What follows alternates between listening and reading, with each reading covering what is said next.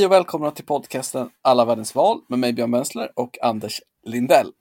Idag ska vi till det land med högst bunkrar per capita i världen. Ett land där två partier kämpar om makten, men där engagemanget i demokratin är svagt. Ett land där de flesta verkar vilja flytta därifrån, men en karismatisk premiärminister är fortfarande på jakt efter en historisk tredje mandatperiod. Ja, vad är, vad är det för vad, Anders? Ja, vi ska till parlamentsvalet i Albanien som sker den 25 april. Så nu på söndag. Ja, det är ju oerhört spännande. Statsskicket där nere är ju då som bekant en parlamentarisk republik där parlamentet är stället där det händer. Man har nominellt en president, men det är liksom mer av en ceremoniell position. Det är lite den klassiskt eh, europeiska lösningen. Ja, förutom i Frankrike så är det väl typ så överallt. Det här parlamentet är ju då valt på det sättet som vi många känner igen, alltså fyra i hyfsat proportionerliga val. Sen är det bara 140 platser i 12 valkretsar så att de blir inte liksom exakt lika proportionerliga som de blir i Sverige till exempel. Det blir liksom lite yxigare. Eh, det är ändå liksom samma princip, att det är valkretsar som motsvarar regionerna i landet. Då. 12 stycken. Ja, men då är de då olika stora valkretsarna, så, alltså i ja. antalet efter befolkningen. Så det är ganska proportionerligt, men inte helt. De som har makten nu har ju inte över 50 procent av rösterna, men de har över 50 procent av platserna. En sak som jag vill säga direkt som är en besvikelse i den här podden är att man tänkte att alla parlament skulle ha roliga namn, men det har de inte. Mm. Det är väldigt Nej. ofta som det bara, ja, det heter parlamentet, och så är det här. Ja, det heter liksom parlamentet eller nationalförsamlingen. Jag håller med. Vi måste bli bättre på att uppa de länderna som, som har roliga namn. Det finns ja. ju ändå ett gäng. Ja, verkligen. Men eh, Albanien är ju det andra albanskspråkiga landet vi är i. Vi har varit i Kosovo och eh, man delar ju väldigt mycket politisk, eller inte politisk, men man delar ju verkligen historia med Kosovo för den liksom större delen av existensen, alltså som det här är ett litet muslimskt land i Europa i liksom skärningspunkten mellan massa stormakter. Stökigt och, 1900-tal. Liksom. Ja, verkligen. Och liksom präglas ju både av liksom den osmanska kontrollen och ganska mycket av den italienska. Som man var ju liksom ockuperat ganska länge av fascistiska Italien och Italien är ju liksom den ekonomiska motorn i närområdet. Men var ju framförallt stalinistiskt eller kommunistiskt på något sätt. Från andra världskriget fram till 90-talet. Man stod ju framförallt utanför Jugoslavien, vilket ju inte några av ens grannländer gjorde. Nej, precis. Och det var väl stämningen var väl, eller vill du dra lite om det, om det kommunistiska Albanien? Jag känner att jag hoppar det lite, mer än att det parti som styr nu är det gamla kommunistpartiet. Ja, precis. Som, som bakades om. Det hette väl liksom Albaniens arbetarparti under Enver Hoxha, då, som var den, deras generalsekreterare under 50 år. Typ. Som jag förstår det, så det här är ju så här trivia grejer. Han var den sista levande ledaren som också ledde sitt land under andra världskriget. För att han lyckades ju bilda en mm. albansk liten stat där i slutet. Och han satt otroligt länge vid makten. Och var i takt med tiden, fast inom den sovjetiska, eller så här, kommunistiska världen. Så, så först var han såklart stalinist. Sen blev det inte inne, då var han anti-stalinist och så vidare. Liksom. Så mm. Han är en, eh, han var väl till stor del kommunistpartiet i Albanien. Kan man säga. Ja, och var ju verkligen ja, en despot. Och eh, sen blev det självständigt i, i början på 90-talet. De var kanske lite senare än lite andra länder, men, men eh, trillade in i eh, ett flerpartisystem till slut. Det första valet eh, vanns av det partiet som hade bildats under liksom, eh, demokratirörelsen, som då hette Demokratipartiet. Och de då tog över Eh, premiärministerposten och allt annat och körde det några år. Och sen var ju den här berömda pyramidspelskandalen i Albanien när liksom ekonomin luckrades upp och det fanns massa olika sätt att tjäna pengar på och eh, liksom eh, hundratusentals människor eh, lånade ut sina pengar i en sån här räntebluff där man lovades massa pengar som man sen inte fick. Och det spårade ut i en politisk konflikt där tusentals människor dog och det blev eh, liksom ett politiskt tumult och man hade nya val och så valdes Socialistpartiet igen. Då. Och sen, har, sen dess så kan man väl säga att det har varit liksom, eh, några mandatperioder där och några mandatperioder här med antingen Socialistpartiet eller Demokratipartiet. Och så kan man väl typ beskriva det, men man kan ju också säga att det kanske inte är ett land som har haft så jävla mycket medvind sedan 92 heller då. Eh, vi snackar om ett ganska litet land, eh, 30 000 kvadratkilometer, någonting sånt. Och de har ungefär tre miljoner invånare. Fast den största utmaningen för Albanien som namn är sin otroliga emigration. Mm. För det finns inget land i Europa som har så stor andel som de senaste årtionden har valt att lämna landet för att flytta till någon annanstans. Och det är ett samhällsproblem som verkligen sitter djupt rotat. Jag läste en undersökning som, som hade sagt att i den hade 22 procent uppgett att de hade minst en familjemedlem som hade emigrerat från landet. Det är en otrolig siffra. Ja. Och då är det inte heller så att vilka är det som emigrerar? Jo, det är ju såklart unga liksom, personer som vill bygga sig ett nytt, bättre liv någon annanstans. Så det är ju verkligen liksom ett stort problem och det är ekonomin, det är korruptionen och det är liksom väldigt mycket samhällsproblem som då och då egentligen de här två partierna som vi ska komma in på strax, som alltid har slått om makten, kämpar om liksom och de byter plats på varandra. Men många upplever ju att det inte spelar någon så stor roll. Därför brukar valdeltagandet vara otroligt lågt med liksom, ja, Europamått mätt. Ja, typ strax under 50 procent är väl det som är. Ja, det brukar vara Ja, typ, typ ner, i bästa fall. I bästa fall. Exakt. Ibland är det nere runt 40 där så, och darrar. Det är liksom, det är ett land med mycket utmaningar. Men du har ju varit där nere, eller hur? Ja, jag har varit där. I någon slags demokratifunktion dessutom. Ja, var, det var mitt första statsvetar-gig. Jag hade en, en bekant till mig skulle göra en utvärderingsrapport på eh, det gröna demokratibiståndet. Alltså partibiståndet ner till det gröna partiet i Albanien. Som ju eh, inte är ett av de två största kan man säga. Eh, och hon fick förhinder och för att dämpa sitt dåliga samvete så tipsade hon dem om mig. Så jag tackade ja samma. Hur går det för det gröna partiet i Albanien? Nej, de, har, de hade alltså ungefär 1% när jag var där 2015 och de hade lite lokala fullmäktigeplatser och sånt där. Nu har de ingenting. Så att de dragit samman. Och jag försökte faktiskt eh, som ambitiös researcher, jag skickade jag, eh, kollade lite med en kille som jag träffade där nere då, som var aktiv i, i partiet. Vad som hade hänt. Han har inte svarat. Nej, för inte, partiet finns ju inte längre. Så. Ja, för jag såg nämligen eh, att han hade lagt upp, ja, vad heter det, han hade gjort om sin profilbild så att det stod så här, men jag ska rösta på Socialistpartiet. Då tänkte jag, ja, då har väl hela partiet gått in i det kanske på något sätt. Jag har för mig att de stod lite närmare, men att det var lite så här, det spelar ingen roll vad som är vad. Den gröna vågen kommer inte börja i Albanien i alla fall. Det, det får man nog säga. Ja, Vi, eh, Ska vi gå in på partierna, men först ska vi bara dra en grej till om konstitutionen och vad som gäller. För det har varit lite stök nu upp in i det här valet som jag tänkte vi bara ska squara innan vi går in på partierna. Och så här ungefär att under 2020 tvingade mer eller mindre USA och EU Albanien att komma överens över partigränserna om att ändra lagen och säkerställa att valet 2021 går rätt till.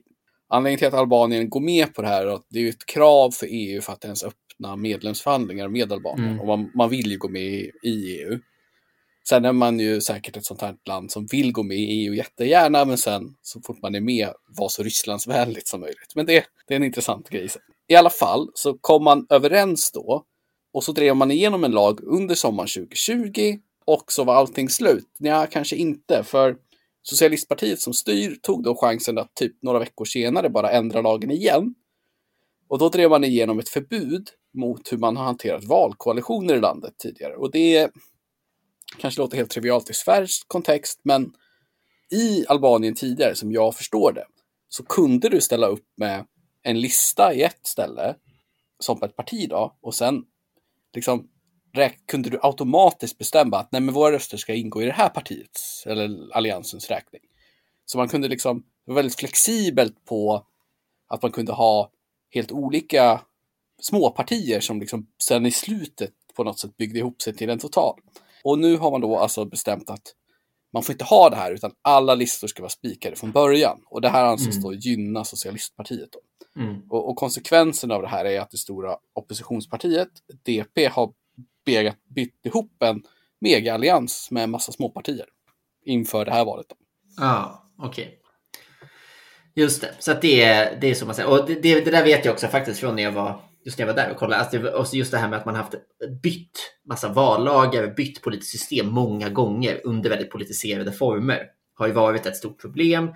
Man har ju också haft, man hade ju så sent som Eh, 2019 en stor politisk kris som ju handlade om liksom, just att, att eh, oppositionen vägrade delta i ja, då, enligt de demokratiska spelreglerna för att man inte tyckte att de var rättvisa. Så dels så avsade ju sig hela parlamentets opposition med några undantag, avsade sig sina platser så att de byttes ut till liksom listtvåorna. Så man har, varit liksom helt, man har i praktiken varit avpoliterad som opposition sedan 2019. Och man kandiderade dessutom inte i lokalvalet. Så att i lokalvalen så, alltså, Socialistpartiet styr mer eller mindre varje, Eh, varje kommun. Liksom. Eh, så att det finns liksom en, en eh, själva liksom systemet är väldigt hett omdebatterat kan man säga. Och det här kan man också säga jämfört med till exempel eh, Bulgarien som vi pratade om nyss, som ju på många sätt delar en del historia, så är ju inte Albanien alls lika välfungerande demokratiskt. Om man ser till till exempel vad Freedom House säger. Liksom, de beskriver man att liksom, medieklimatet är inte lika fritt och det politiska systemet funkar inte lika bra. Och då kan man säga att lika bra som i Bulgarien är inte heller kanske den högsta tröskeln att komma Ja, men det, det om scenen då. Ska vi, ska vi gå in på partierna?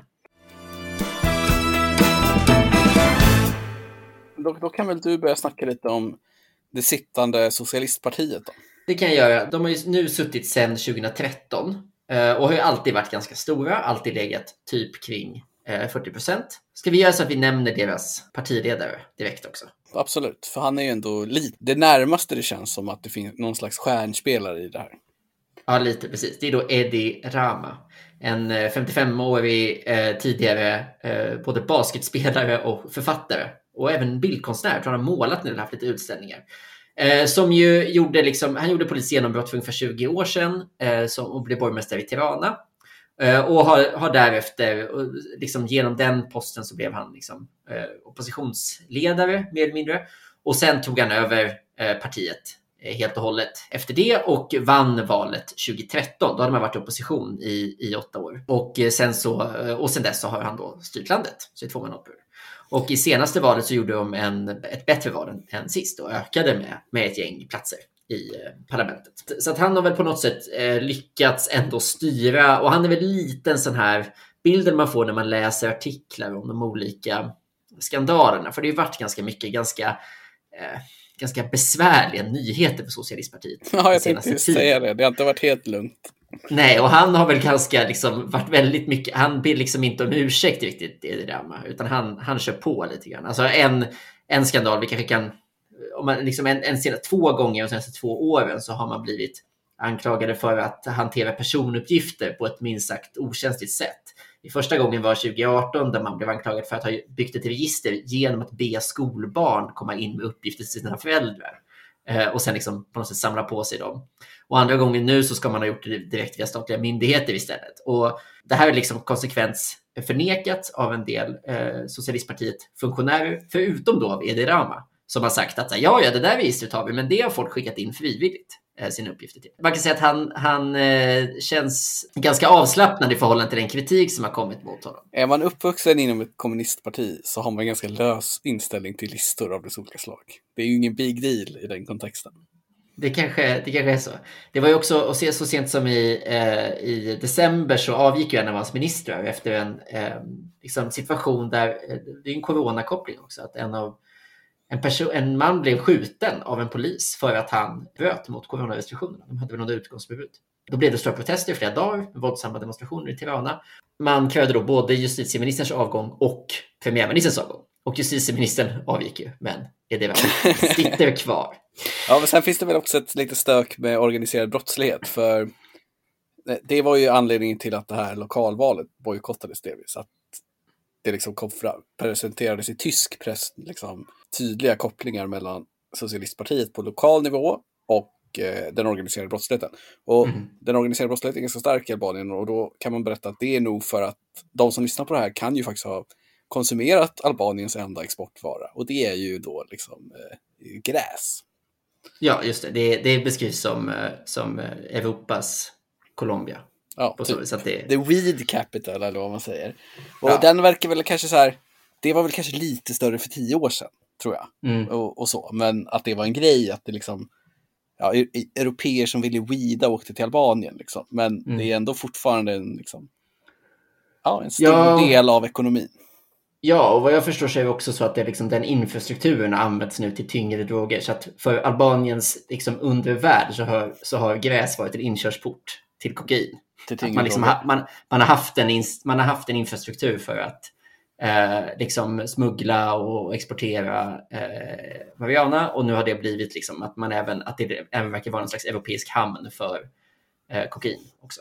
Ja, och det här presenterade då tysk media nyheter om att liksom, ja, det här partiet då, och helt ja. enkelt. Men det rann också av han, så han kör nu för tredje gången och ingen har lyckats vara premiärminister i tre gånger än så länge. Och huvudkandidaten mot honom, ska vi ta honom direkt då? Ah, det finns väl en liten kontrast mellan dem, men det är Lulsim Basha. Jag hoppas jag uttalar Z i Lulsim rätt. Det gör jag förmodligen inte.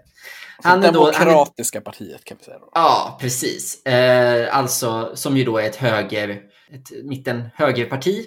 Ja, men de, är, de, är opposition, de är borgerliga oppositionen kan man säga då. Om ja, ska liksom en... Precis, och grundades, eh, ja, grundades ju som en del av demokratirörelsen då på 90-talet och har styrt landet några gånger eh, sedan dess. Basha då är en eh, internationellt utbildad jurist. Han, han pluggade juridik i, i Holland, han har en holländsk fru.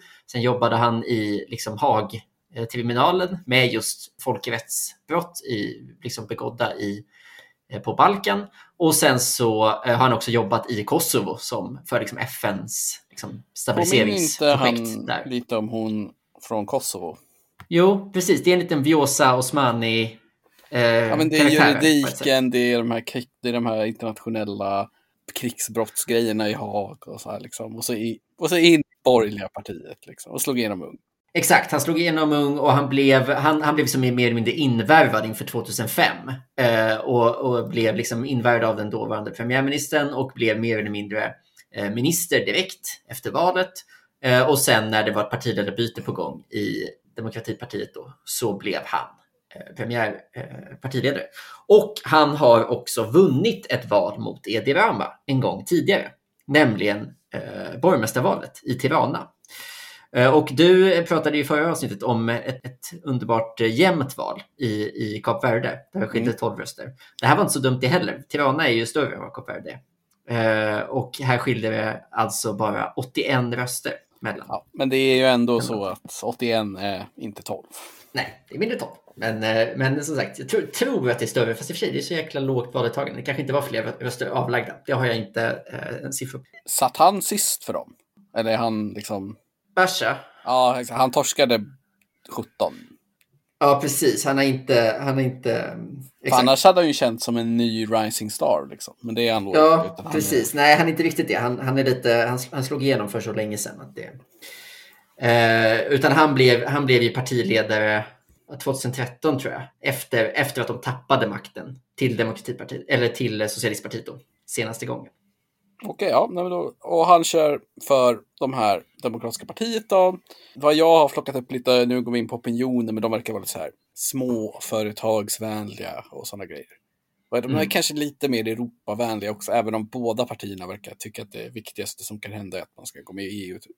Mm. Och sen får man säga, det finns ju ett, ett tredje parti som är liksom stort eh, och som har haft, eh, åtminstone historiskt, har haft någon slags vågmästarroll. Ehm, och det är eh, ett utbrytarparti från Socialistpartiet som liksom brukar översättas, på engelska brukar översättas som så Movement for Integration. Förkortningen är LSI. Ja, men de kan ligga någonstans kring 10-15 procent ibland i, i mätningarna. Nu vet jag inte vad de gör i, just den här, men det är liksom om man ska förstå ungefär storheten. Och de startades eh, av en, den tidigare, en tidigare premiärminister som heter Ilir Meta. Han var premiärminister, men han var inte ordförande i partiet. Och det liksom innebar en partiledarstrid mellan honom och partiledaren som han mer eller mindre då förlorade. Efter att han hade avgått som premiärminister så bröt han sig då ut och startade det här andra partiet. Som ju då också är ett vänsterparti, men som lite mer har försökt Eh, Eh, jag tror att de har skilt en del i process. De har liksom varit, eh, haft eh, demokratiska val internt och sånt tidigare än en del andra partier.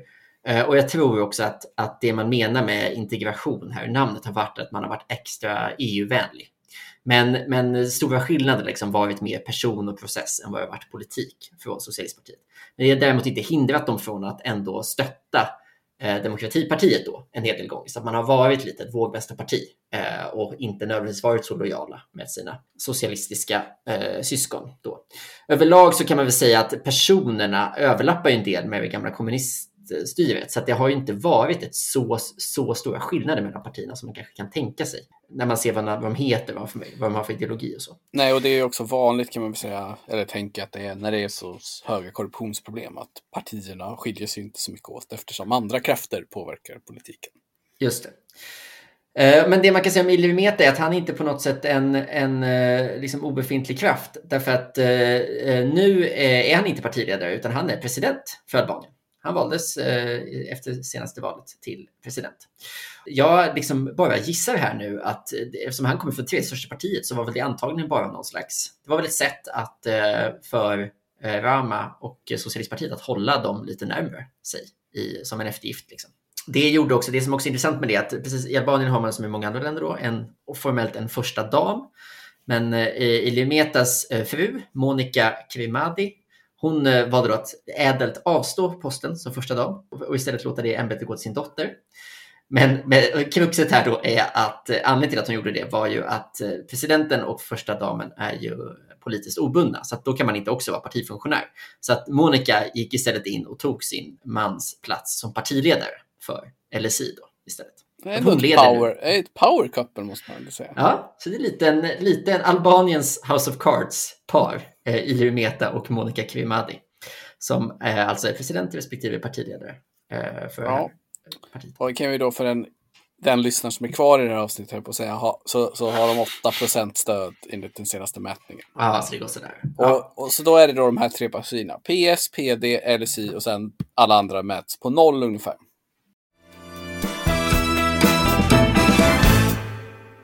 Ja, om vi då ska ta en titt på opinionen, opinionsfrågan och opinionsläget så kan vi börja med att damma av opinionsläget lite snabbt då. För det är lite så halvintressant för det verkar ju som att det har varit en, en, en, en förändring under valkampanjen ändå. PS gick ut starkt och ledde klart i alla mätningar under hösten.